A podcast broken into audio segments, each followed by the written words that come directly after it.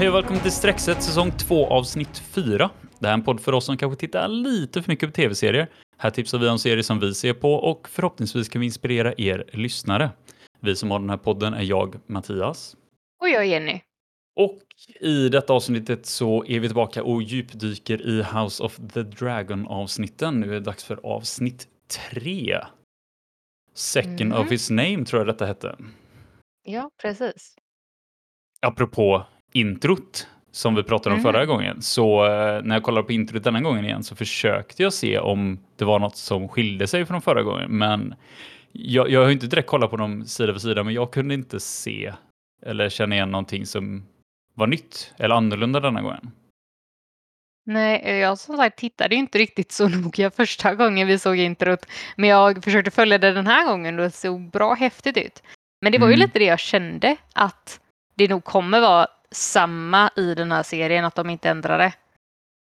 Jag tror de kommer Om ändra det, men jag tror de kommer ändra det när, när det händer nå- någonting. Och det är väl det att än så länge så är det ju i början av det. Men jag tror att kommer Mm. de göra ett större tidshopp eller något som återigen vi har pratat om att någon faktiskt dör eller så, då, då blir det en förändring. Mm. Eh, ja, men, men vi får fortsätta hålla ögonen öppna tänker jag. Ja, precis. Eh, Men efter introt så kommer vi till den här väldigt eldiga scenen. Den här striden, eller det, det ser ut verkligen som ett sånt battlefield eh, Mm. på, på, på den här stranden. Och vi ser återigen den här mysiga crab feeder som Mm. håller på med sin eh, favoritaktivitet att spika fast människor på den här stranden och lägga krabbor på dem för att äta upp dem levande. Mm. Han är så mysig den där va? Mm. Ja, och denna gången så är det ju faktiskt att den som han spikar fast, alltså lite backtalkar eller skriker tillbaka på honom. Eh, där blir man ju, jag blir mest nyfiken utifrån om, om det han skriker är om att eh, om hans eh, upbringing här på så här, men hans föräldrar liksom att eh, så här, ligger det någon sanning i det eller är det bara skällsord han skriker därför han um, för jag, jag fattade det som att han här var någon form av prins, den här crab feeder personen.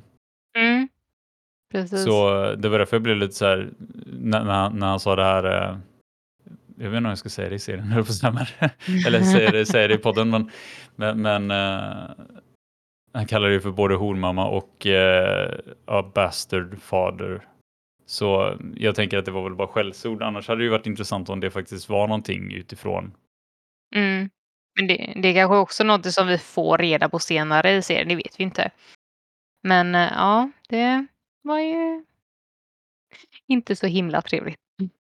Nej, men där, där ser vi också det att eh, draken dyker upp och, och att vi märker att vi är mitt i ett, en strid som har pågått under en längre period där, där, Mm. där det största hotet för Crabfeeden uppenbart är de här drakarna och man ser att så fort eh, draken dyker upp och det är Damon som rider på draken så, Mm. så, så har de liksom tydliga kommandon att okej nu kommer draken, nu springer vi och gömmer oss i grottorna här. Ja, det är väldigt smidigt att eh, en här plats som har valt eftersom det finns de här då eh, grottorna som är enorma verkar det ju som. Mm. Jo, verkligen en otroligt taktisk placering. Ehm, Mm. Det som är intressant här, det är väl också det här att uh, Damon kommer in och, och först känns det som att han är nästan expert på att eh, du, ducka, ducka pilar, vilket jag kan återkomma till senare också i och för sig. Men Mm. eh, otroligt eh, när, när rider in där hur, hur pilarna först missar honom väldigt mycket, men sen blir han ju till slut träffad i högra axeln av en pil. Och det som är så intressant är ju hur draken reagerar. Som att draken själv nästan blev träffad när Damon blev träffad. Det var verkligen så här, sam, samtidigt som han blev träffad och skadad så är det som att hela, alltså draken rycker till och, och bara eh, Alltså, alltså som att den själv har blivit skadad och, och Ja. drar iväg med Damon. Och det reagerar på att känner draken Damons känslor eller smärta eller, liksom, eller har de sånt nära band Ja, mellan liksom drakryttare tänk- och, och drake?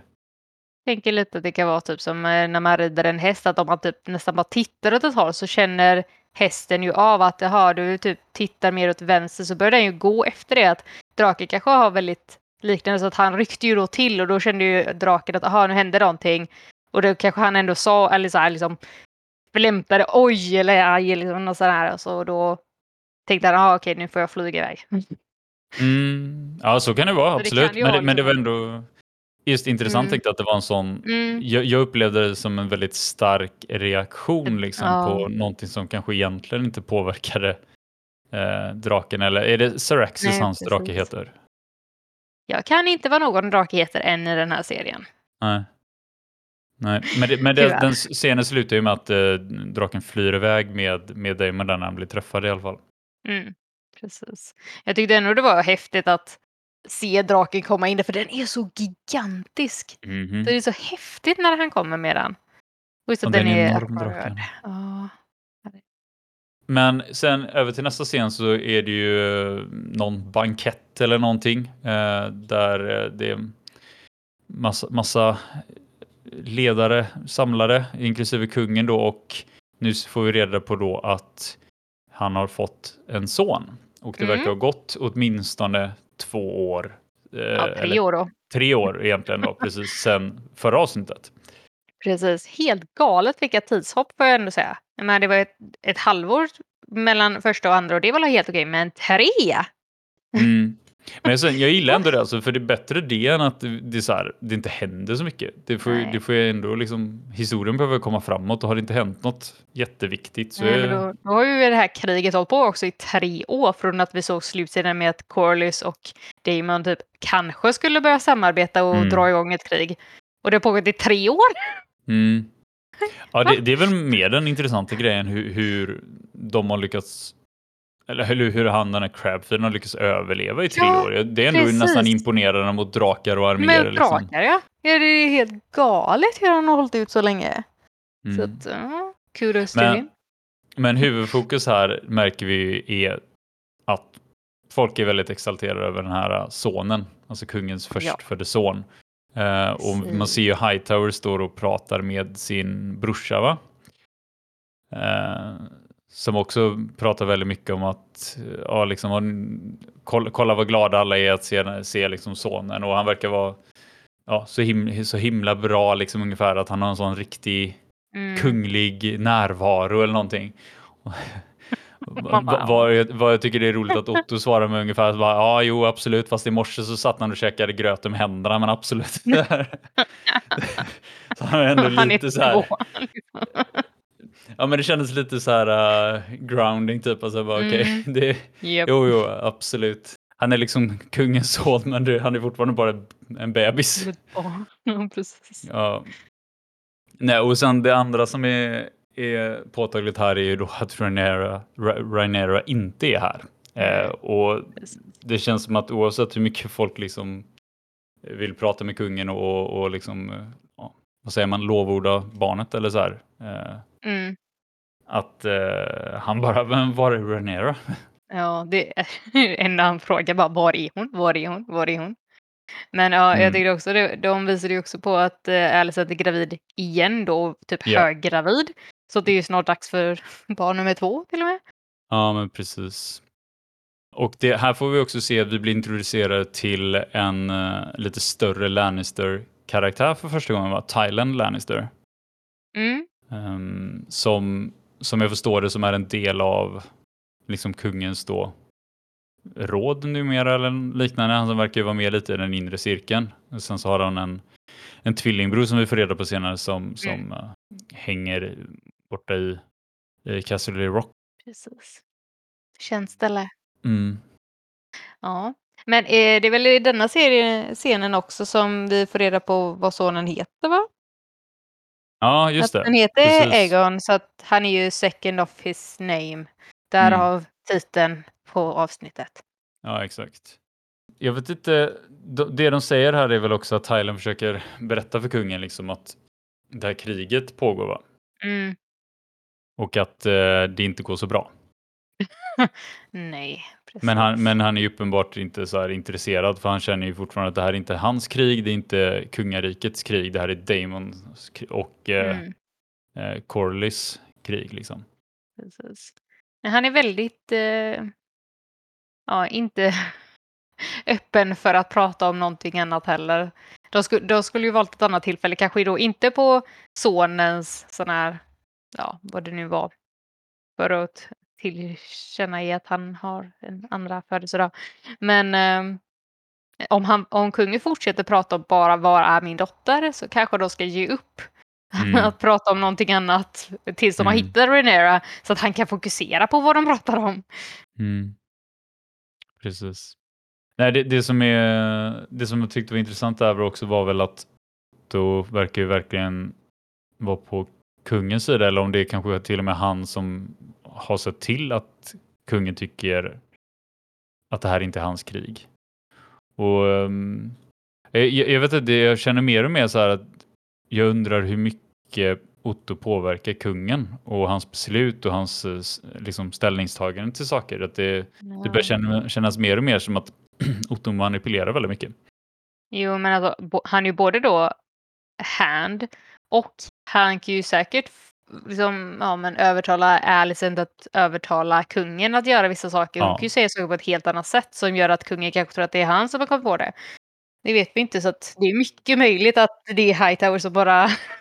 Och vi ser ju lite sånt nästan sen också ju, så att det, det, det känns, känns som sagt som han är manipulatören här. Mhm. Gud ja. denna omgången. Eh, än så Mm. länge i alla fall.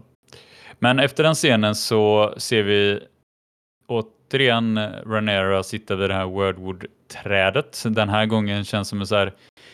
Det här känns som the equivalent till, till liksom så här deppig tonårsdotter i sitt rum med en låt på repeat på stereon liksom, eller på Spotify numera. Då. Det, Ja. Eh, ja. si- Sitter där med liksom tusen kuddar på ena sidan av trädet och stackars barden på andra sidan som Mm. bara är tvungen att spela samma låt om och om igen på ja, repeat. från början. Hela den mamman, stackarn. Ja, det var väldigt komiskt. Det- Åh, det var väldigt roligt. Ja, jag kan inte göra annat än att eh, lite tycka synd om barden eller hans händer i alla fall. Ja, jo, verkligen, stackarn. Eh, Men eh, här ser vi då Alicent komma ut och liksom försöker väl, ja, jag vet inte, vad ska man säga, försöker Men hon försöker egentligen bara be Renera komma in och liksom vara med på den här typ festen för Egon. Men eh, Renera är typiskt tonåring bara nej, varför ska jag? Måste jag? mm, Men det är också då uppenbart att Alicent och Renera har ju inte liksom blivit vänner igen efter att eh, ja, Renera fått henne till styvmor. mm. Det är väldigt kallt mellan dem. Men Ja, det har verkligen försöker blivit... eh, vara snäll. typ. Ja. ja, men det verkar som att hon har satt sig på tvären sen Mm. senaste avsnittet och, och det var väl lite det vi... Alltså, jag visste inte helt, men det var väl lite det här som vi pratade om att så här, så här kan det absolut bli då, liksom, eh, Mm. att ha en som styvmorsa blir väldigt konstigt och det, det märks väldigt tydligt också att de, de nästan bråkar lite. Dels bråkar de lite om det här med, eh, med eh, barden då. Att de försöker liksom, ja men eh, spela, nej gå iväg, ja, men, men din prinsessa liksom beordrar dig att spela, ja men din Mm. drottning beordrar dig att gå härifrån. Så att det, det, det märks att det har blivit väldigt kyligt och att det enda anledningen varför hon gör saker nu är för att hon vet att eh, Alicent då är högre i, i rank och hennes pappa är ännu högre i rank. Så att det är liksom, Precis. Så hon lyder bara för det. Men det är också så, jag tyckte det var fult av Alicent att använda sin rank för att bli av med barnen men samtidigt han hade ju Mm. inte gått annars. Så att jag förstår att hon gjorde det men väldigt fult att göra så mot sin vän ändå. Om hon vill försöka vara vän med Renera så kommer det inte gå om hon håller på att spela att hon är drottning hela tiden. Även om nej. hon är det. Sen vet jag inte riktigt om det hade funkat om hon bara låtit henne vara heller. Så. Nej, jag vet inte. Vi får se hur de lyckas. Mm. Eller om de gör det. Ja, och för nästa scen då, då är de ju i den här uh, carriagen, den här vagnen på väg ut till... Ja, eh, precis. Men då, för då hade ju Alicent sagt till att ja, men kungen beordrar dig att komma. Ja. Så du behöver komma med här. Ja, och är det order av kungen så är det bara att följa. Ja. Eh, Men, men de har ju sagt att de ska ut på en jakt, en jakt till, till ära av Aegons då tvåårsdag. Mm. Och de sitter i den här vagnen på vägen ut dit och konverserar och eh, bland annat så är det lite fokus på som du sa då att Alicent är gravid igen. Att eh, de pratar om att resan kanske inte är så bra för henne och Renera kommenterar liksom på det och, och sen så är det väl också att Alicent försöker få det att verka som att det, här är, det här är inte så farligt liksom eh, och kungen menar också på pika lite, det är ungefär som att du kommer också vara eller bära barn en dag. Mm. Och, och, det känns som att ah, Alicent, min, min uppfattning är att hon försöker liksom få det här att verka som en bra grej. Hon försöker minimera liksom hur hennes upplevelse har varit ungefär som att men det här gick enkelt liksom och Aegon mm. kom utan problem och, och så vidare. Men, men hon står ju väldigt fast vid att hon absolut inte vill och hon tycker barnen bara skriker som grisar och det var allt vad det var. Ja, jo, hon var ju inte super eh, glad eller annat för att vara där, så det känns som att hon försökte bara vara elak nästan. Ja, men det, hon var ju väldigt tydlig. Det såg vi ju redan i första avsnittet när hon pratade med sin mamma liksom att det här var ju, det här var mm. inte hennes plan. Hon sa ju väldigt Nej. tydligt där till sin mamma också att jag vill inte bli gravid. Jag vill inte. Det här är inte liksom det livet jag vill Nej, ha. Nej, det är inte för henne. Nej, verkligen inte. Och sen kommer hon ju fram till det här väldigt Alltså det, det, ser så himla stort och mäktigt ut. Alltså varje gång de gör någonting nu så är det, det är så himla mycket tält och folk och det är en enorm fest varje gång det är något. Det är otroligt extravagant. Mm. Uh. Jag tänkte bara en sak i den scenen också. Jag tycker det känns som att kungen typ kände av att det var dålig stämning och så bjöd han in prinsessan att jaga med honom. Och hon bara, jag förstår inte varför jag är här. Alltså typiskt tonåring. Hon bara, ingen är här för mig. Nej. bara, nej det är sant. Ingen är där för dig, du är bara där för att kungen vill. Ingen bryr sig. Det är nog så. Ja, så är det. Så är det. Och det blir väldigt, väldigt tydligt här. Och de visar det väldigt tydligt när de kommer fram där och mm. de kommer ur och alla hälsar dem välkomna och de, de liksom kungen visar upp sonen då det är stort jubel och, och man ser liksom Ranero bara sitta kvar inne i vagnen. Yeah. Alltså typiskt Alltså, där är det inte bara att hon är deppig, utan det är mer liksom att hon känner sig sårad. Känns. Alltså, det är ja, verkligen så här att vad, vad, hennes liv har blivit från att hon var utropad till, till nästa tronarvinge och det liksom var hon som skulle leda landet till det att den här uh, brorsan sonen eller alltså sonen har dykt upp och nu, nu är hon liksom... Jag, jag förstår att hon... Um, vad sa du? Förpassad till skuggorna. Ja, men verkligen. Alltså överkörd höll på att säga, men inte riktigt ja, överkörd, men, men liksom för, för, hon ser för, verkligen ledsen förbisedd helt och hållet. Ja, eh. precis. Och ja. det, det, blir, det blir en förlängning av det när hon eh, liksom sen då går in i tältet och det känns som att alla bara gör sin grej. Det är liksom det är ingen som så här, åh, här är prinsessan Renera liksom eller någonting, eller, utan det är bara det är ingen som riktigt ens reagerar på att hon kommer in. Det, det var väl han, eh, Lannister-tvillingen, den brorsan, som tittar på henne och sen så kungen i sig då. Mm. Precis. Nej, det är väldigt eh, men tråkigt för henne också då. Att hon, varför ska hon dras med på sådana saker när hon kanske hade kunnat gjort något bättre någon annanstans? Mm. Nej, och sen så ser ja.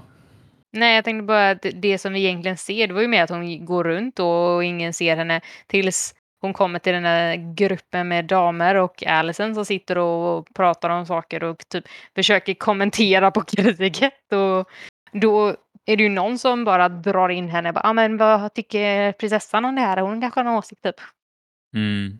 Det känns som en sån här typisk skvallergrupp. Liksom. Alltså, ja. jag, jag fattar ju att det är så all the ladies som har liksom det här är deras grej medan de andra är ute och, jagar sen antar jag. Men mm. det, var, det är en väldigt liten speciell samling eh, där i alla fall där de sitter och, och tänker eh, högt om allt möjligt som frågan är hur mycket de, de vet om. Uh, det som är intressant här också tyckte jag var att vi, vi fick ju se i scenen där när de kom att han Lionel som vi pratar om nu, Sir Lionel som var med, mm. Sir Lionel Strong, att han hade med sina två söner hit. Jag tror det är första gången vi ser dem. Mm. Eh, och, och, den ena av, av sönerna då har ju någon, eh, någon skada eller någon, någon, någon defekt om man får lov att säga så med, med, med mm. benet liksom, så han har ju svårt att gå. Och han eh, frågar ju lite så här snällt och liksom att, eller ungefär som, han lägger upp det som att ah, jag, jag, jag var inte riktigt skapad för att jaga, för, Mm. får jag lov att sitta här med er?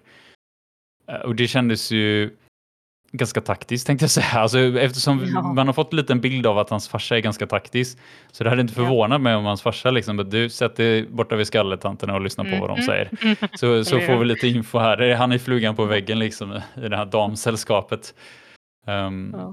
men precis, mycket riktigt som du säger där, så, så eh, lyssnar ju prinsessan lite på, på det här. Men, men eh, hon blir ju ofrivilligt indragen i, i hela konversationen och eh, ifrågasatt nästan så här ungefär som varför har inte kungen gjort någonting åt det här kriget?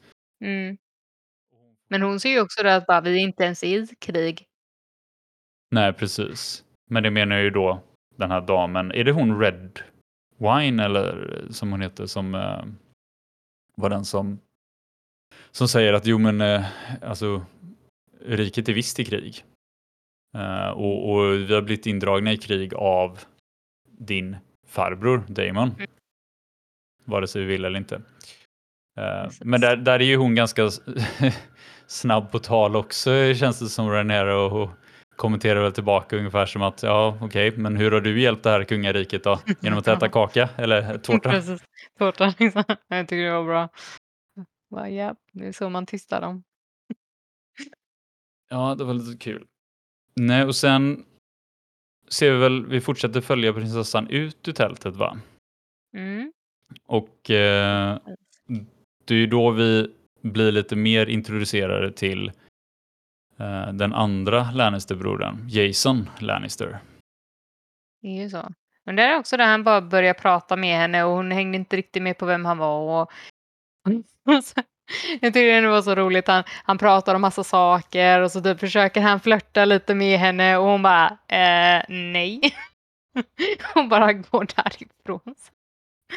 Alltså det, det var ju flera grejer som jag tyckte var intressanta med den här karaktären. Alltså dels, alltså hon, hon säger att hon visste vem det var för att eh, när han presenterar sig som en Lannister så säger han ja, ah, jo, jag fattar det på alla lejonen. Ja.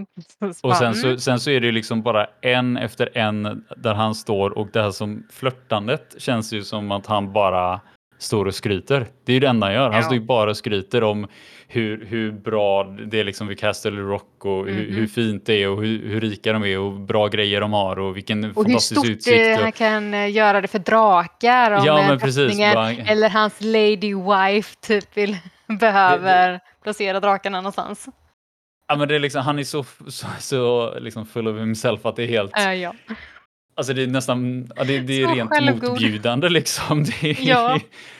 det är riktigt illa alltså. Eh, och han presenterar ju även, det som jag tycker var roligt också, det var ju att han presenterar ju det här vinet han ger den. Ja, det här är så här Just det. honungsvin, jättefint, liksom så här.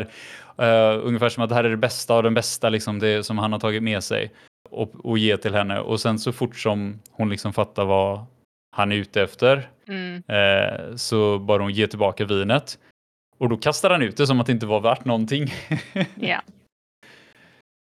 Ah, ja. Nej du, han eh, misslyckas ganska rejält där känner jag.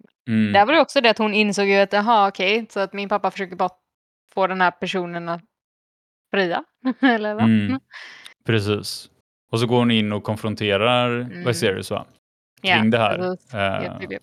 Och det är, ju- det är uppenbart att han eh, stod bakom det här, att han, han tyckte också att det här var väl en bra, bra idé. Eh, Ja, och deras bråk eskalerar ju ganska rejält så att det, det blir en scen här inne i tältet där de står och skriker på varandra och alla bara vänder sig om och lyssnar. Precis. Kommer i alla fall Otto lägligt och avbryter bara. Ja, Mm. det sjuka var väl det att det var så väldigt tajmat att han kom där. Så bara hade han precis fått de här nyheterna om att någon hade sett den här. Var det en kronhjort?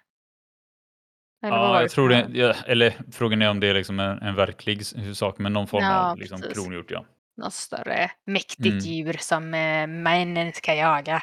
Ja, men eh, om han hade fått det innan eller om han bara väntade med det en liten stund för att se hur mycket av bråket skulle eskalera. Eller, eller Ja. så. Men det, det var bra tajmat ändå att han kom där. Ja, precis. Och, och då, då, var det ju att det var inte bara en kronhjort utan det var en vit kronhjort ja, som, hade, som de hade då sett till. Ja. Och eh, som är mycket i, i liksom den här världen så det är ju ganska Alltså de tror ju på lite övernaturliga grejer, det är lite skrock mm. och sådana grejer och de, det, Otto lägger väl fram det där också som att det här är ett väldigt gott omen. Alltså mm. det här mm. är ett bra tecken eh, och, och, jag tror de spelar ju, eller de, de, de tar upp det fler gånger också att det här är liksom som att gudarna är på Aegons sida och firandet ja, av Aegons födelsedag liksom att det här är bra positiva tecken för Aegons skull. Um, mm. Precis. Och uh, Ranera orkar, orkar väl inte riktigt med det här utan hon, uh, hon bara går ut, tar sin häst och drar. Ja, precis. Det bästa är väl det med att Cole är i närheten så att han ser det hända och bara uh, shit, prinsessan vill bara fly. Jag behöver följa efter. Och det gör mm. han. Och jösses vilken uh, springmatch hästarna hade mellan sig. Ja. Yeah. Men det är också så lite roligt för att när han väl kommer ikapp henne och, och de börjar prata om mm. Jason Lannister och så och, och, och Cody mm. bara ska jag döda honom? Och hon ser så allvarlig ut först och sen så bara ler hon och bara Ja men det var verkligen det var återigen så, så att hon, hon, hon, var bara så här, typ sur och trotsig typ och sen ja. så säger han någonting som uppenbart så här, är ett skämt, men det är ett ganska grovt skämt men det är liksom, så hon kan inte låta bli att Nej. bli glad. Jag tyckte det var, det var så snyggt gjort, för så, så mycket sånt har vi inte haft ännu. Så Nej, och, och, det visar väl lite på att deras liksom, relation, om jag nu säger så, mm. eh, den har, verkar inte ha hänt så supermycket mer ändå, men Nej. man ser ändå att, att eh, jag tror de funkar liksom tillsammans. Ja, men det är det. De passar bra ihop på det sättet, så även om det bara är liksom vänner så verkar han ju veta hur han ska ta henne för att lugna ner henne också. Mm. Och det är inte som att hon kör iväg honom bara, nej men jag är precis så du behöver gå, utan han är ju ändå där och som skyddar henne. Mm. Det, jag tyckte det var väldigt skönt. Det, jag tyckte om scenen mellan dem. Mm. Ja, jag med. Eh, och de fortsätter väl sin konversation i nästa scen där vi bara ser dem gå, gå leda hästarna genom skogen egentligen. Va? Och fortsätter mm. prata om det här med att hon är tvungen att gifta sig. Ja. Och känner sig maktlös över sitt liv och, och så. Men du, då är det också väldigt käckt för då säger han att jo men eh, du har visst makt för att mm. du valde mig att skriva in i den här white book så, och Precis. du ändrade hela mitt liv. Så mm. allt jag har är tack vare dig. Så det var, ja. Då inser hon i alla fall att hon har ju någon makt, eller åtminstone haft lite makt. Även om det inte är över sitt eget liv alltid så kan hon i alla fall göra bättre för andra. Ja, men det, det var väldigt bra av honom där tänkte jag också att eh, faktiskt säga det. Att visa på att hon kan hjälpa till att skriva mm. Historia. Ja. Nej, och sen så kommer vi till den här scenen med eh, ja, egentligen hela det här jaktsällskapet va? Mm. Ja, precis. För det är väl då som eh, Otto och kungen pratar mer om det här med att den här vita kronhjorten typ har, att han har blivit sedd igen och att det var väl den, den stora symboliska så här, kungliga tecknet innan drakarna mm. kom till landet. Ja, men precis. Så det är ett riktigt det... bra tecken som du sa det där med att den har blivit sedd på den här lillprinsens dag. Mm. Jag kommer kalla ja, honom lillprinsen för att han är en liten prins.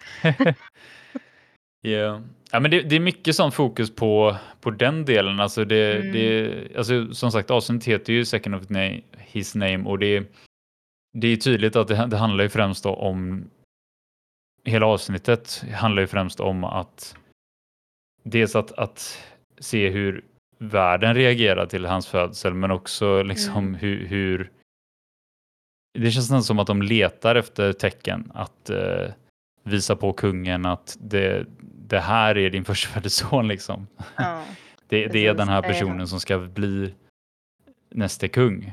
Mm. Ja, att han borde vara tronarvingen. Mm. Precis. Men efter den scenen i skogen där så är vi tillbaka i tälten och vi ser en scen mellan Viserys och Jason där det, vi märker att Jason har inte gett upp än, utan han fortsätter ju att vara liksom extra trevlig mot kungen. Nu kommer han att ge honom en gåva i form av ett spjut som mm. han tänkte att ja, men det här kan du ha nu när du ska döda en White Heart, eller den här kronhjorten då. Mm. Uh, och sen så råkar han väl försäga sig lite utifrån vad alla tänker uh, och kommenterar på att Ja, jag kommer inte ihåg det, hur det han säger, men, men det är ungefär som att någonting att eh, de, han erbjuder ju eh, styrka och, och så vidare och eh, kan ge liksom ett, ett bra liv till Ranera även om hon har liksom förlorat sin eller, han säger loss ja. of station, att, den liksom, ja. att hon har förlorat sin Men högre position, sin mm. status. Och det är då som Viserys bara inser att äh, ursäkta mig men Rhaenyra ska inte bli av med sin ja, men status. Hon kommer fortfarande vara tronarvinge. Jag har inte sagt något annat. Varför mm. tror alla att det är någonting annat? Bara, visst, jag har fått en son, men jag sa att hon ska vara min tronarvinge. Han blir mm. lite arg. Ja, precis.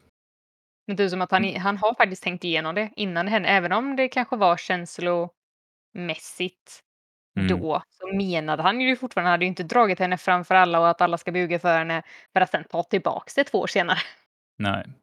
Med han. Nej, men det, det, det blir väldigt tydligt här liksom att han, han försöker förklara, eller han rättar Jason liksom med att säga att uh, det, det är hon som är utnämnd och det är all, alltså alla hus inklusive Lannisters har liksom sagt att ni, eller svärt lojalitet mot henne.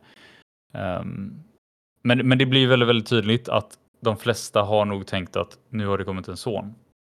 Precis. Så nu, nu eh, kommer ju han att ändra på sig och jag tror förmodligen är det ju så att all, de flesta tolkar det här som en svaghet hos kungen nu. Mm. Eh, att han inte ändrar sitt val. Vilket kan bli farligt framåt tror jag.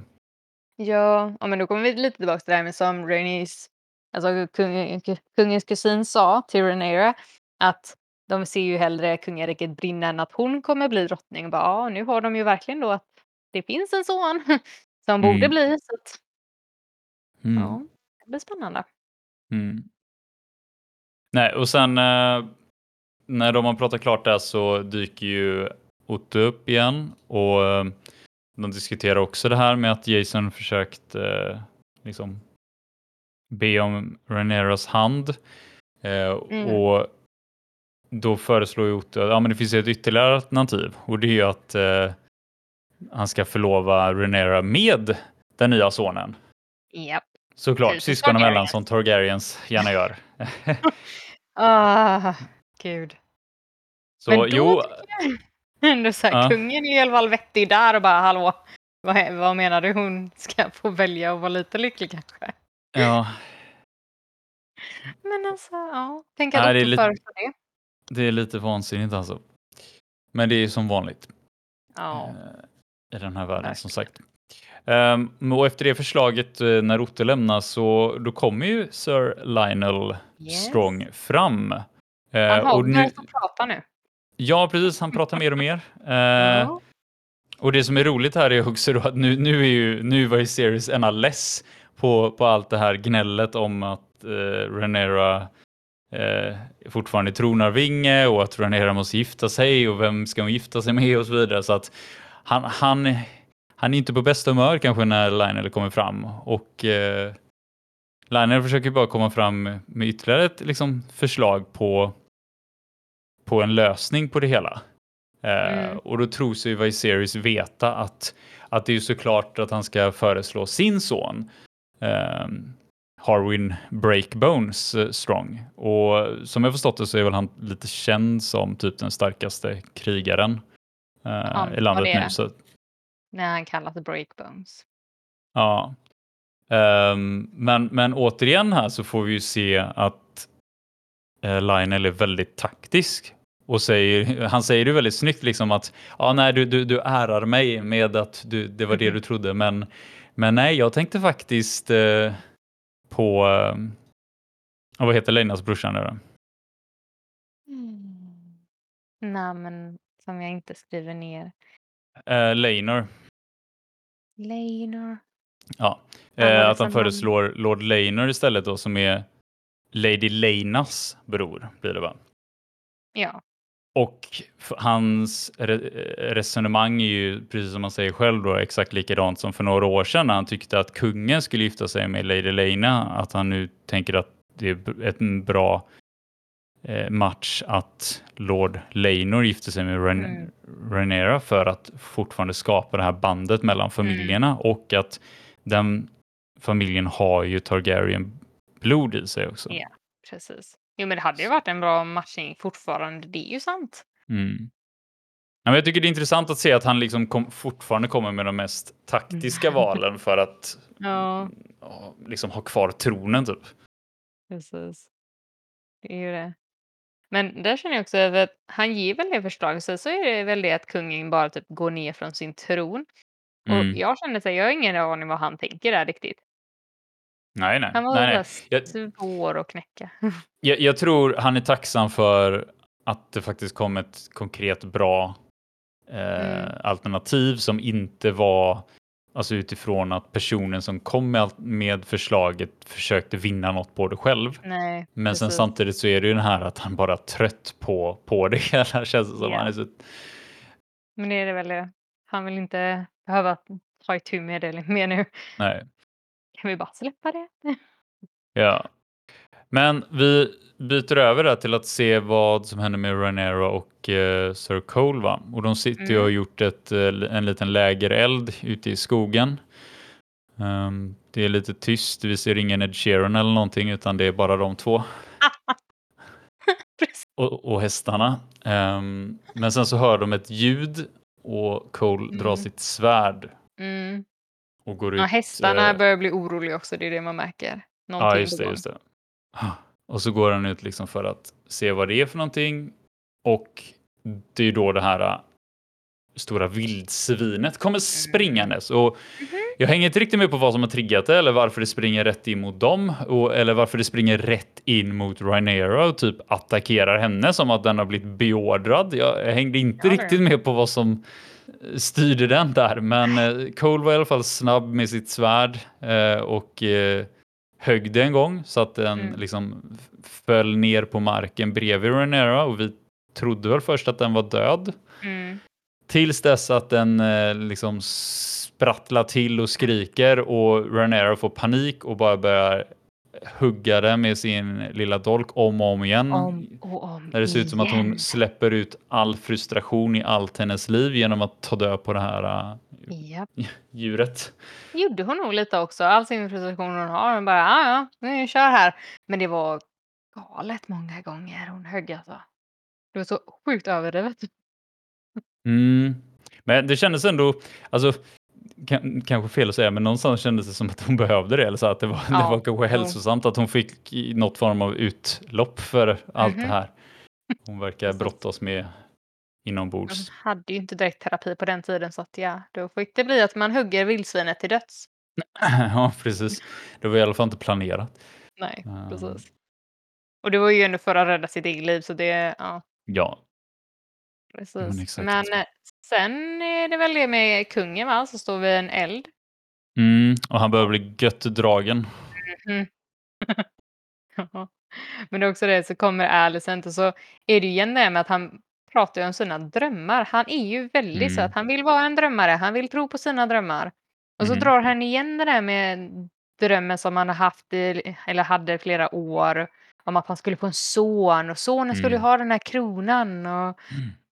Och allting. Och han säger till henne ju verkligen upp i sig, jag trodde inte jag skulle gifta om mig. Att, det var som att han hade gett upp den drömmen men nu finns det ju en chans att drömmen kan bli sann för att han har fått sin son. Så Mm. att det känns som att typ börjar ångra lite att han gjorde Rhaenyra till arvinge men Det, det märks att han har blivit väldigt eh, känslosam filosofisk nu, eh, eh, mycket med, med alkoholen men såklart med alla de här eh, sakerna som han har, har som väger på hans axlar just nu också. mm. Men eh, Men det är klart, när alla hela tiden säger till honom du borde göra din son till, till tronarvinge, du borde göra det nu, nu, nu. Så det är inte konstigt att han kanske börjar fundera över vad han ska göra.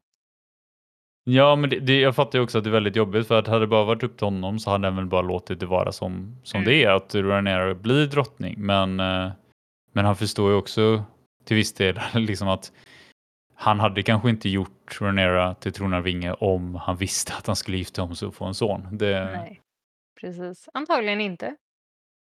Men man Ja. vet inte. nej. Mm.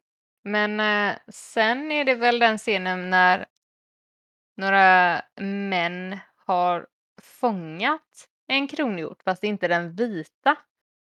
Men de har fängslat Mm. den för att kungen bara ska kunna ta ett spjut och gå fram och döda djuret. Så det är ju liksom ingen Ja. riktig sport känner jag. För men det är ju inte han som har letat upp den. Han har inte... Visst, det var ju någon scen där att de typ luktade på typ dess eh, avföring för att se hur gammalt det var och hur långt bort den var. Men han gör ju egentligen ingenting aktivt. Han bara låter Nej, alla nej. andra fånga den. Och så bara, ha ja, här har jag ett spjut som jag fick från Lannister. Jag får väl använda den. Ja, han, får, han får ju det igen. Alltså, Ja, Det här är ju morgonen efter, eller det är väl vid gryning. Eh, och det som är väldigt påtagligt här tycker jag i den här scenen också är att han verkar som att han är bakis. ja Men det är inte så konstigt inte eh, med tanke på skicket han var i scenen innan där och med Alicent på kvällen. precis. Men precis som du säger så har de ju, de har gjort allting för honom. Alltså det här är ju tydligt bara för att kungen ska kunna komma ifrån den här jakten och säga att ah, jag har dödat typ den största stägen vi kunde hitta. Eh, och han, som du säger, han får ju allting bara serverat till sig. Liksom Mm. spjut ifrån Lannister och när han misslyckas med första hugget så får han ju till och med anvisningar liksom så här ska du göra för att döda Ja. djuret my lord ungefär bara. Det är så ovärdigt. Alltså det är verkligen... Det, jag hoppas inte att det sprider sig att han var så dålig för att kungen kan ju inte vara så dålig eller? Det känns ju Nej. jättepinsamt att han inte dödade det på första hugget. Han borde ju kunna sin grej eller? Ja, men det jag känner med Viserys i sig då, alltså förutom att han är uppenbart bakis känns som, det känns också som att han är ganska ovillig. Eller så, det känns Ja, som att han riktigt att han- vill göra det här utan det är ytterligare Nej, bara måste. en så här måste göra grej. Mm, Det är bara ett japp. åtagande. Och Ja, för det såg verkligen ut som att han tyckte det var jobbigt då han först fick spjutet och skulle gå fram. Som att, mm, ska jag verkligen göra det här? Jag, varför ska jag döda det här djuret?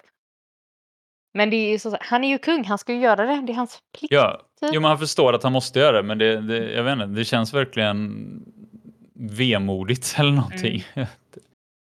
Precis.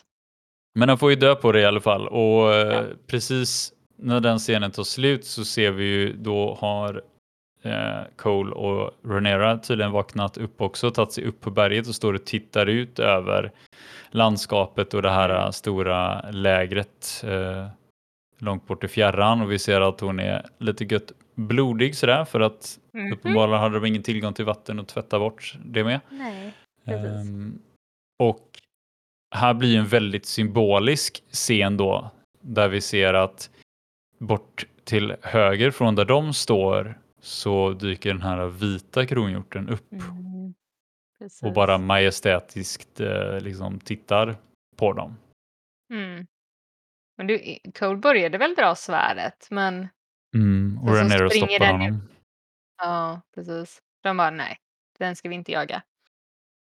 Nej, men det var ju det som var, alltså det är väldigt som sagt symboliskt i och med att de då precis säger att nej, vi har inte hittat den vita någonstans, men det här är liksom den största, starkaste stägen som Mm. han dödar. Och sen så utan att ens anstränga sig så bara den dyker upp vid henne. Så om man nu ska tro på så här, öv, alltså, övre makter eller tecken och grejer så om någonting så sa väl den scenen att Mm. det är hon som är den rätta liksom, valet till, Ja. till tronen. Precis. Jag känner också det. Och speciellt då med att hon bara nej, vi ska inte döda den, ska få leva. Mm. Känns bra. Riktigt bra. Nej, och sen så ser vi Mm. att uh, Cole och Rhaenyra kommer tillbaka till uh, lägret va? Ehm, Mm. Och hon stoltserar väl in uh, där, blodig och god. eh, och de Japp. har det här uh, vildsvinet på släp bakom hästen. Och så bara, man ser att hon ser ganska nöjd ut med sig själv att hon kommer där med Mm. vildsvinet. Och så ser man eh, bild på typ Alicent och de står där borta och är då rena och fina och det ser inte ut som att de är superglada över att hon kommer in där helt blodig med ett vildsvin dragandes. De bara, nej, alltså det, det roliga här är ju också att det, det känns som att han, eh, Strongs son, han den här bästa krigaren i landet, personen som stod där och flodde några djur, han, han är den enda som ser glad ut. Alltså han ser ja. så lite så här glad, imponerad ut över prinsessan. Eh, Medan Jason då, som var den som liksom försökte fria då, han ser nästan äcklad ut. ja, men han håller väl inte på med sådana saker tänker jag. Han är väl för fin i kanten för det.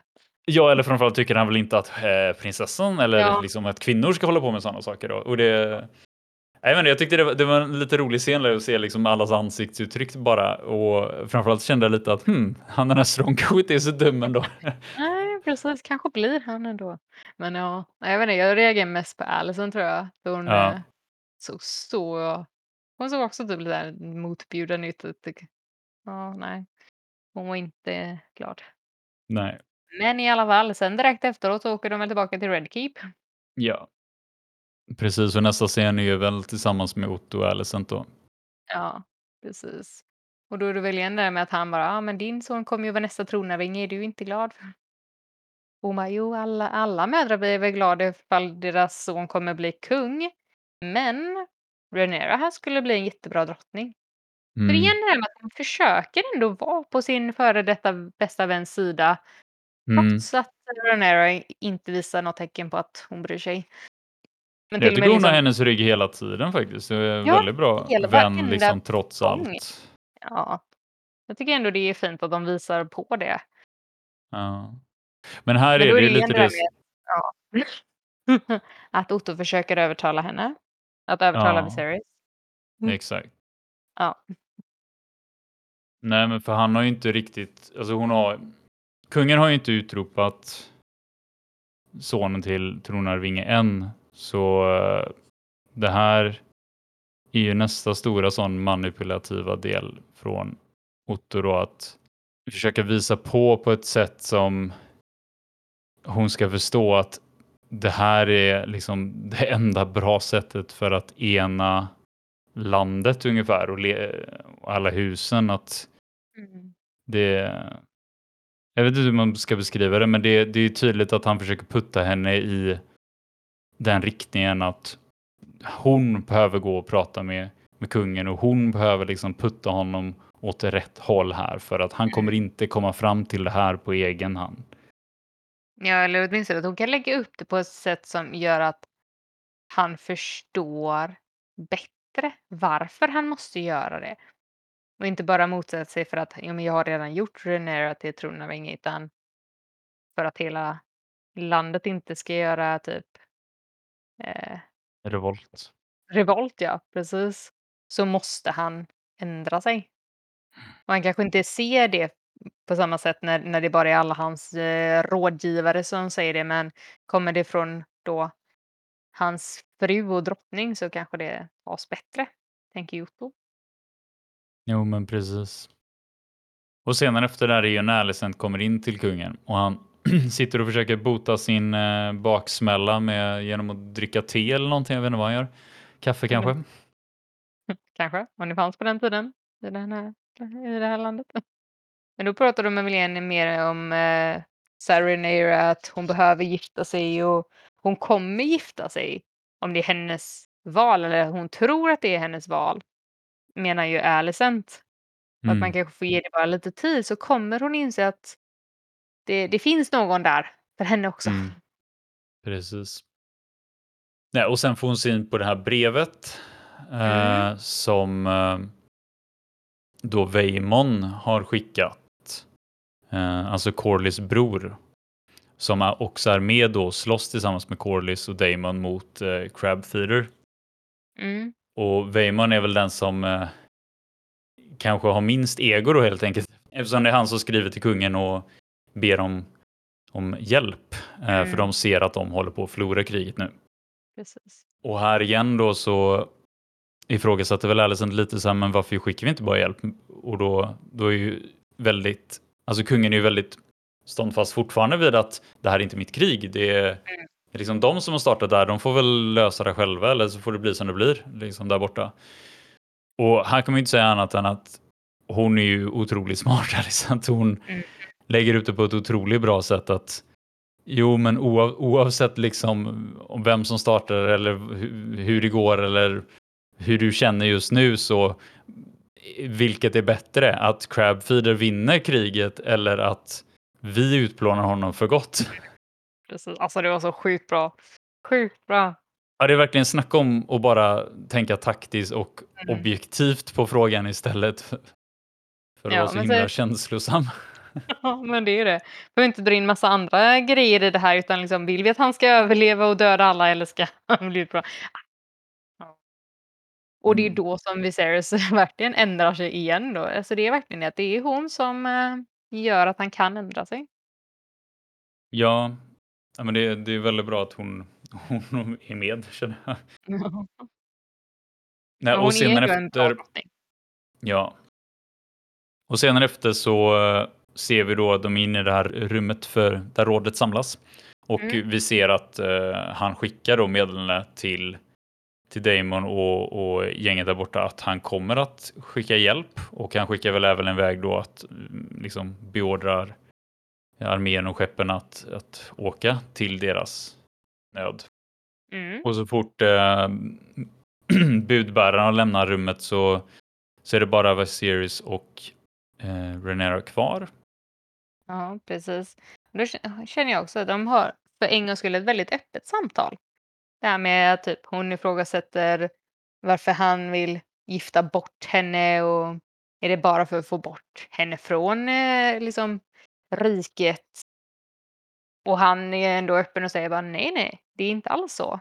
Jag eh, har bara sett att du har varit ensam och arg i flera år och vill bara att du ska mm. vara glad du med.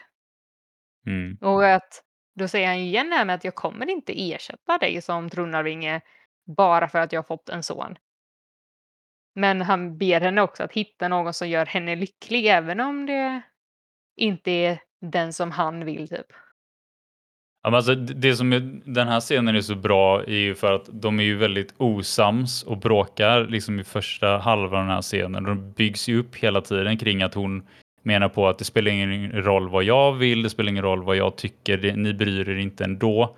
Mm. Uh, och sen så så, så menar han ju på, jo fast vi har ju våra saker vi måste göra. Liksom. I våra roller så måste vi vara taktiska. Och då, mm. det är så snyggt då när hon då säger att jo fast hade du varit taktisk så hade du tagit mm. Lady Lena, inte Alicent. Yeah. Och där, där är ju en, en, väldigt då skarpt känner jag så här att att man verkligen ser att hon är sårad för att det var hennes bästa vän som yeah. blev vald att gifta sig med hennes pappa. Mm. Uh, men som du säger då att när, när han då fortsätter det här och säga jag undrar om han, om han reagerar starkt på just den kommentaren inte, men när, när han fortsätter liksom att jo, men du måste gifta dig. Men precis som du säger så välj, välj ut den som du vill gifta dig med. Du får mm. välja själv liksom, men du, men du måste välja en. Uh, men, men, och säger då just att precis som jag gjorde.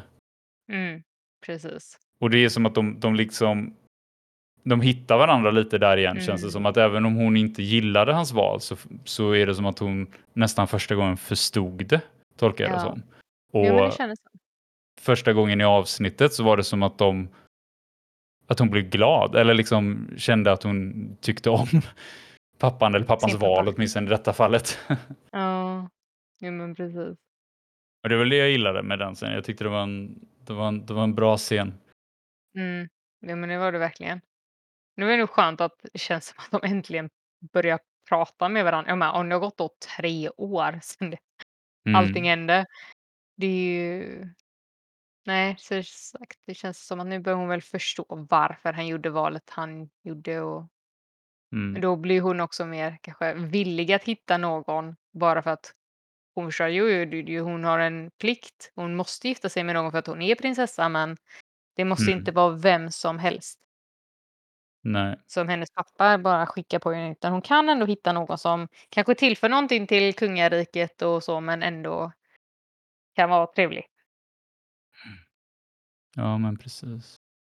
Nej, och som, som sagt där så där är det ju tydligt att det här är första gången som vi ser honom väldigt bestämt och i nyktert tillstånd säga att eh, han kommer inte att ersätta eh, henne med sonen. Så eh, där är väl också, det känns som en ganska tydlig att här han, han, han tog en, en, en, liksom, en ställning här som vi mm. förmodligen kan se hur det påverkar senare. Jag insåg nu också att en sak som, som vi måste nämna som jag jag vet att man kan se det ganska tidigt avsnittet, men jag vet att jag reagerade på det först i den scenen som vi pratade om när de satt där eh, vid brasan pratade när han drack sitt te eller sitt kaffe där för att bota eh, baksmällan. Eh, mm. att vi ser ju att han har ju nu inte bara förlorat lillfingret som var bandagerat i förra avsnittet, utan han har ju förlorat eh, ringfingret också. Så han, det saknas ju två fingrar på hans vänstra hand nu. Oj, det missade jag helt. Vad bra att du såg det.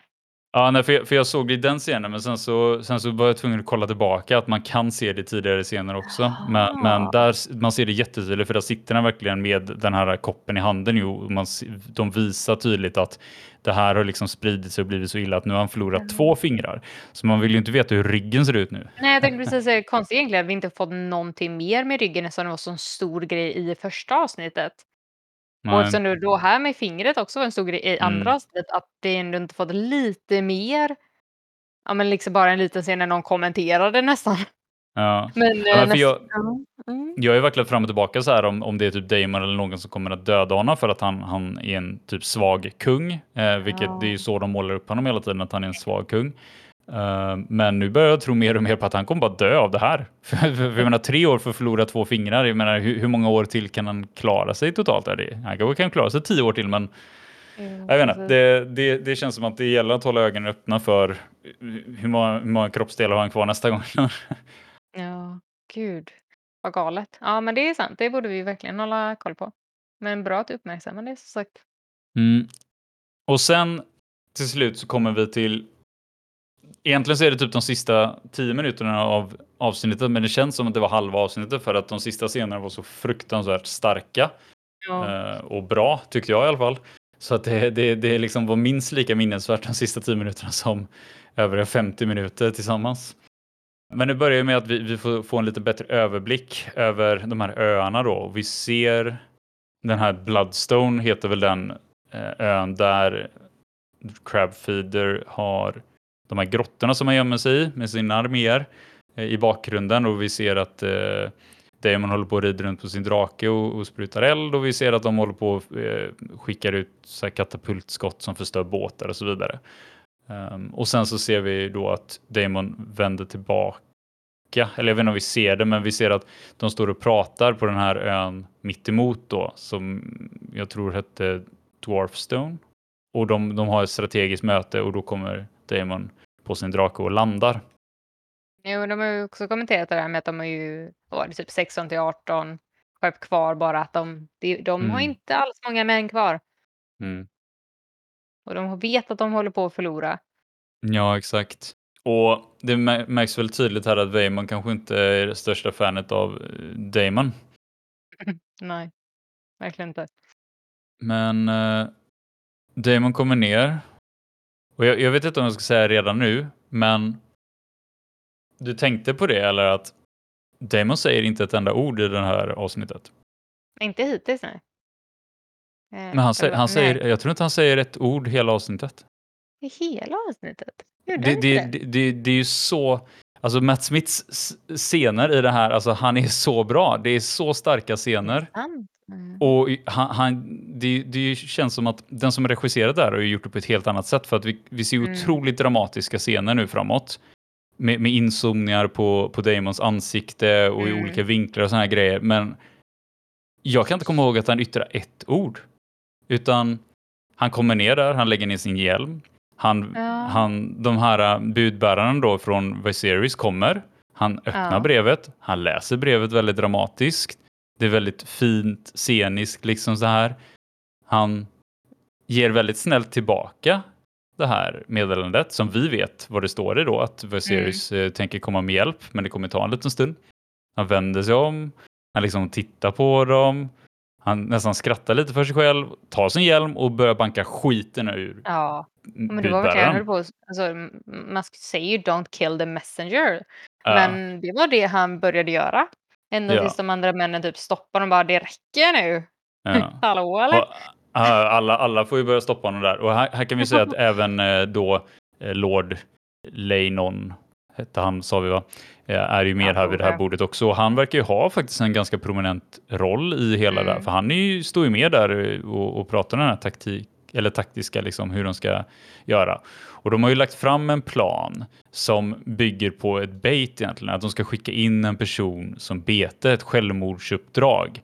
För att det är enda sättet de kan vinna på. För att så fort Damon kom på draken så flyr ju eh, Crabfeeder och allt hans Mm. folk in i grottorna. Eh, så de måste ha ett sätt att lura ut dem och då tänker de att de skickar in någon ensam till den, till den ön och så får den liksom lura ut alla ur grottorna. Mm. Ehm, Men de säger att men det är ingen som är galen nog att göra det här. Och där, där vill väl egentligen, är det Vaemon som föreslår Damon? Att göra det här. Men det, det kanske är lite 50-50 för att han tänker att det är ett bra sätt att bli av med Damon också. Jag vet inte, för de verkar inte vara bästa vänner. Men, men Ja. efter den här scenen där när man sett att han blir stoppad från att döda den här stackars budbäraren så ser vi bara att Damon ror över mot ön. Mm, precis, ön där crabfeedern prins Dayhar är. Mm. Och i detta skedet så visst, vi har ju hört den här taktiken precis, men det är ändå inte så här helt klockrent vad det är han kommer göra. Men vi ser att han kommer över, han river en bit vit, vitt tyg ifrån någonting och Mm. sk- bygger en liksom snabb liten vit flagg som han ställer sig på någon liten sandhög där och börjar vifta med. Man ser att crabfeeden eh, kommer liksom fram lite ur grottan och, och ser det här. Och då när Damon ser crabfeeden så ställer han ner flaggan, han tar upp sitt svärd och håller upp det eller håller fram det som att nästan som att han erbjuder svärdet till crabfeeder. Mm. Och vi ser Crabfeeder stiga ut ännu mer ur grottan ut i ljuset och nu ser vi ju verkligen det här äh, som du, du pratade om det här med att det måste vara den här sjukdomen, den här grayscales. Grejset, någon för- slags sjukdom i alla fall. Och för han är helt täckt av det ser det verkligen Mm. ut som. eh. och han tittar sig omkring och försöker se om det är någon drake i luften eftersom han ser Damon men han ser inget. Så han skickar ut eh, ett gäng av sina gubbar då till att eh, gå fram till Damon. Och de kommer ju fram där och de uppe på klippan spänner ju sina bågar och pilskyttarna där uppe. Eh, och Damon väntar ju ända tills de är hela vägen framme och precis när de ska liksom ta då Dark Sister ifrån honom, svärdet då ifrån honom, så eh, stoppar han någon, stoppar han svärdet i dem eller stoppar en dolk i dem. Och Ja. sen börjar bara hugga ner dem. Yeah. Och eh, efter det så är det ju bara all out krig höll på att säga. Och här tycker jag, alltså det här är ju väldigt spännande. Nu, nu ser vi liksom enmanna-armén Damon här gå till attack där han bara han duckar pilar, han är, han är långt ifrån Rickon i alla fall, han zigzaggar som en gud Han är här. så långt från Rick så det finns inte. Det Han är helt så sjukt. grym på att slåss så här. Ja. Åh, Och bara, bara hugger ner folk, verkligen som att han är huvudrollen i sin egen actionrulle här. Han bara Eh, ja. springer fram och, och, och ja, tar ner folk som ingenting. mm. Ehm, och till slut så blir han väl lite eh, cornered va? Alltså han kommer fram till något så här vrak där Mm.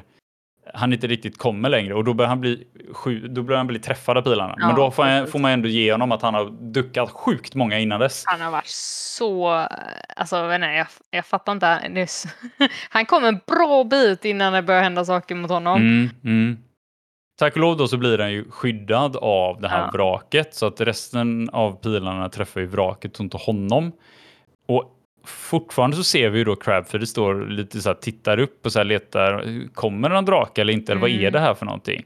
Men eftersom nu ligger Damon skadad, pilskjut, eh, pilskjuten och eh, fortfarande ingen kommit till att hjälpa honom och ingen drake i luften så då är min tolkning då att han bara, ah, men okej, vi skickar ut liksom de flesta nu då. Ja. Ehm, så han, han beordrar ut resten och, och de omringar ju Damon här runt det här vraket. Och eh, precis när man tänker att nu är det kört, då dyker ju um, Corlys och Vaemon och gänget upp med sin armé från uh, andra hållet. Tydligen så har det varit så mycket rök eller dimma eller någonting i luften att det här har inte gått att sett. Uh, vi ser ju att det är väldigt dimmigt, men jag vet inte var det kommer ifrån. Eller liksom är det bara rök ifrån en, att saker brinner kanske? Men uppenbarligen har det skyddat väldigt väl i alla fall. Precis. Precis. Jag tycker ändå det är lite fegt av eh, Crowfield att han liksom står bara där. Det är som att han försöker eh, ta sig fram och typ döda Damon som man tycker att han kanske borde göra när Damon typ var där själv. Mm. Men han är lite feg ändå när han bara står där och, och liksom skickar ut sina män att ta hand om situationen känner jag. Ja, absolut. Men sen, han ser ju inte ut som storkrigare och jag tänker att någon som spikar fast liksom, sina victims och, Ja. och, och, och matar alltså, dem till krabborna. eh, Det känns ju inte riktigt som en person som är Nej, mycket för open direkt. combat. Liksom. Nej. Nej. Precis. Det som är intressant här är också att samtidigt som, som hela då armén kommer till undsättning på fots så ser vi faktiskt Lord Lainor komma på, jag tror det är en ny drake. Alltså, Alltså jag känner inte igen, det var en väldigt liten eh, typ Mm. vit drake. Ja, eller grå liksom. Gråaktig, Eh, ja. ja. Så det var ändå kul att se eftersom han har Targaryen-blod och att han också är en Ja. drakryttare och rider runt på en egen drake här. Jag känner att jag blev väldigt förvånad. För jag blev så här, vem sjutton är det som rider draken? Jag trodde bara det var Damon och Rhaenyra som gjorde det. Men nej, nej. Mm, nej, det, det var väldigt häftigt faktiskt. Väldigt kul att de introducerar det och man ser ju att han tar ut typ större, Verkligen. större delen av alla pilskyttar där uppe på, på klippan och så. Eh, och det blir väldigt, väldigt tydligt här att de har ju ingen chans nu. När, när, de, inte, när de redan står liksom ute på fältet, de är omringade av armén och Mm. de har en drake ovanför sig och de hinner inte ta sig tillbaka till grottorna, då är de ju rökta. Haha.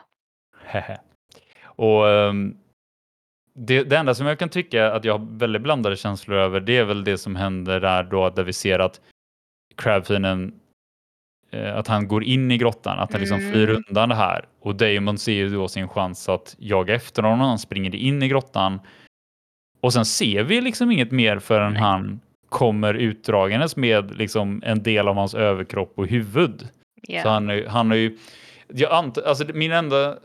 Det enda jag kan tänka mig med varför de inte visade mer av den fighten eller liksom varför vi inte fick se det, det var för att han var sån mes. Alltså det var, liksom, det var inte ens värt att visa fighten för att Det fanns ingen fight typ. nej, liksom, det- det var liksom ingen match han, för Damon när Mm. det väl var att han kom åt honom. Det han hade var eh, sin taktik liksom. Ja, alla sina män som var emellan honom och allting annat. Men det Mm. var väl det, men jag kände också att det var lite väl lite, alltså vi kunde väl sett lite mer att han ändå jagade in, alltså jagade efter honom in i grottan och liksom se om han försökte fly ännu längre in eller om han ändå försökte ta Mm. upp ett svärd eller liksom, vi fick ingenting. Så Nej. det måste väl vara som du sa att han var så otroligt mesig så att Mm. han gjorde Nej, så- ingenting. blev lite Men- snopen som sagt först, men, jag- men jag, jag, jag inser väl lite så här vad de... Alltså min, min tolkning är väl lite så att de, det var det de ville påvisa då, att det här, Ja. det var ingen match. Men det, jag känner också lite så här, va, varför kommer han ut med halva kroppen? Alltså vanligtvis brukar de ju bara ta då huvudet och visa att här är den här personen. Ja, men han, han, eh, det var väl så han besegrade honom, så orkar han inte hugga en gång till. Nej, okej. Ja, absolut. Det, Det är, inte, det är nog säkert inte mer än så. nej. Däremot så såg man att han var Alltså han såg ganska bedrövlig ut Damon. Alltså Ja, han var ju alltså. helt, det var knappt jag kände igen honom. Det ser ut som, alltså Ja.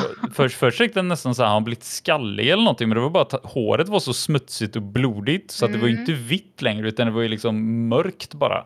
Ja. ja, men det är ju lite ändå intressant att samma avsnitt som vi då ser att Renee har blivit helt blodig just mest för att hon tog död på det där vildsvinet Ja. så ser vi Damon också bara Ja. okej, ja. Nu är Och det mud and gore. Ja, och det var faktiskt roligt för jag tänkte också på det, att, att eh, man hade sett liksom hennes då vita hår Mm. var blodigt innan och nu såg vi hans. Så det, Mm. det är också lite nyfiken på om det var något de ville visa på det, att de har båda gått igenom någon form av eldprov, höll jag på att säga, men lite ja, så. och att de, är li- att de två är väldigt lika varandra. För det är ju det Mm. som Viserys har sagt helt tiden också, Mm. liksom att de är lika. Ja. De är mer lika som att de hade varit då far och dotter eller syskon eller vad som helst. Att de... Mm. Men jag tänkte på, på det här med, med flaggan, den där vita flaggan. Är det verkligen en grej? Har vi sett det här innan i Game of Thrones-världen? Att, Alltså jag, jag tänker att det är bara alltid en grej. Så jag gissar Okej. på att George har väl bara vävt in det som att det, det funkar alltid i de flesta världar. Det är, vit flagg betyder fred liksom, eller betyder paus. ja, men det var sjukt bra gjort. Alltså de, de Mhm. verkligen lurade ju Crabfeeden ordentligt. Han Mm. trodde verkligen att ah, men nu vinner jag nog här. Nu har Damon gett upp. Mm. Kommer utan sin drake och allting. Det här blir en lätt match. En väldigt bra taktik. Men, men, men som sagt, avsnittet till sig, det, det, det är det här jag kände verkligen med att de här sista tio minuterna, jag, tyck, jag tyckte de var så Mm. starka. Alltså visst, det var mycket action, men om du inte det tänkte på det, alltså, se, se om de sista tio minuterna. Alltså Damon säger inte ett ord och ändå, ändå är det liksom precis att man förstår dem hela tiden. Jag, Ja. det, alltså, dels är det välskrivet och dels är ju Matt Smith, alltså, jag, herregud vad Men Man får ju ja, säga att det, bra alltså. det är så välskrivet när jag inte ens tänkte på att han inte sa någonting och ändå så fattar man allting. Jag blir så här, jaha, nej, han sa verkligen ingenting. Det, det kanske är så. Jag tänkte inte ens på att han inte gjorde det, för jag, det var verkligen det att man förstod exakt hela tiden vad Damon kände eller tänkte, typ. Hur kändes det som. Förutom att jag Mm. var inte beredd på att han skulle slå halvt ihjäl budet då, Mm. som kom. Speciellt när där Viserys hade skrivit att jag hoppas att du klarar dig. Mm. så, Nej, men det, det, det är liksom, ja. Jag tycker det är intressant också utifrån det här man kan prata om att Alltså så man kan höra skådespelare gnälla om att man har inte fått tillräckligt många repliker. Nej, du behöver Mm. inte repliker endast. nej. Det, det, det gör de ju väldigt tydligt här i alla fall. Men det är ju det som oftast gör en bra skådespel. Det är ju när de inte behöver använda repliker, sin röst eller någonting. De ska ju kunna visa allting med sitt ansikte. Och det är ju det Mm. man då får från Matt Smith. Att Mm. han gör det så bra att de, han Jo, behöver inte säga något. Tillsammans med hur de då har filmat det och klippt Ja, det ja, såklart. såklart, Men, men ändå såklart. liksom, nej det är... Nej, jag, jag, jag, den sista tio minuterna gjorde typ hela avsnittet. För jo, det Mm. övriga avsnittet var bra, men det var liksom väldigt mycket bara 50 minuter av samma gnäll om att eh, Ja, det, sonen, eh, nu finns det en son och, eh, och Renera måste gifta sig. Alltså det är liksom... men det var ju lite vi- så som var i andra avsnittet också. Då var det också ja, Ja. du måste gifta dig, vem ska du gifta dig med? Du måste gifta dig, vem ska du gifta dig med? Så Mm, att det är ganska mycket tjatigt ändå. Sen, Alltså Mm. visst, det är fortfarande bra, men jag känner det att eh, häromdagen så snubblade jag över en eh, scen liksom, med Tyrion och att han, Mm. han har ju så bra, bara han, han säger saker och att det typ det man kommer ihåg från Game of Thrones, att de hade så bra repliker och det var liksom så, Mm. eller så mäktigt med saker. Och Mm. det var nya saker hela Mm. tiden. Här är det ganska mycket upprepande då. De har inte så här superslagfulla uttryck eller repliker alltid. Och det är lite fattigare ändå än Ja. vad Game of Thrones är. Och då, visst, Game of Thrones var många säsonger, men det var ju verkligen från första avsnittet, första säsongen, var det sjukt mäktigt bara. mm. Och jag känner Men inte sen- riktigt att jag får det av den här. Även om jag tycker den är Alltså- jättebra. Men, Nej, alltså det, jag håller med om att det inte är likvärdigt, absolut inte. Men det som är likvärdigt är väl att det är välskrivna mm, dialog eller konversationer liksom. Ja. Och, och det är väl det ofta som jag gillar, som jag sa där med den scenen innan med Ranero och Viserys, liksom att jo, det är bara en, en scen i det här rummet där de två pratar med varandra, men deras back and forth och, och sättet de pratar och, och tonförändringar och liksom Alltså, jag, där tycker jag ändå att, ja, alltså jag, jag kan verkligen tycka att de scenerna är väldigt, väldigt bra också. Alltså minst lika Mm. bra som de här actionscenerna fast på ett helt Ja, annat ja. vis.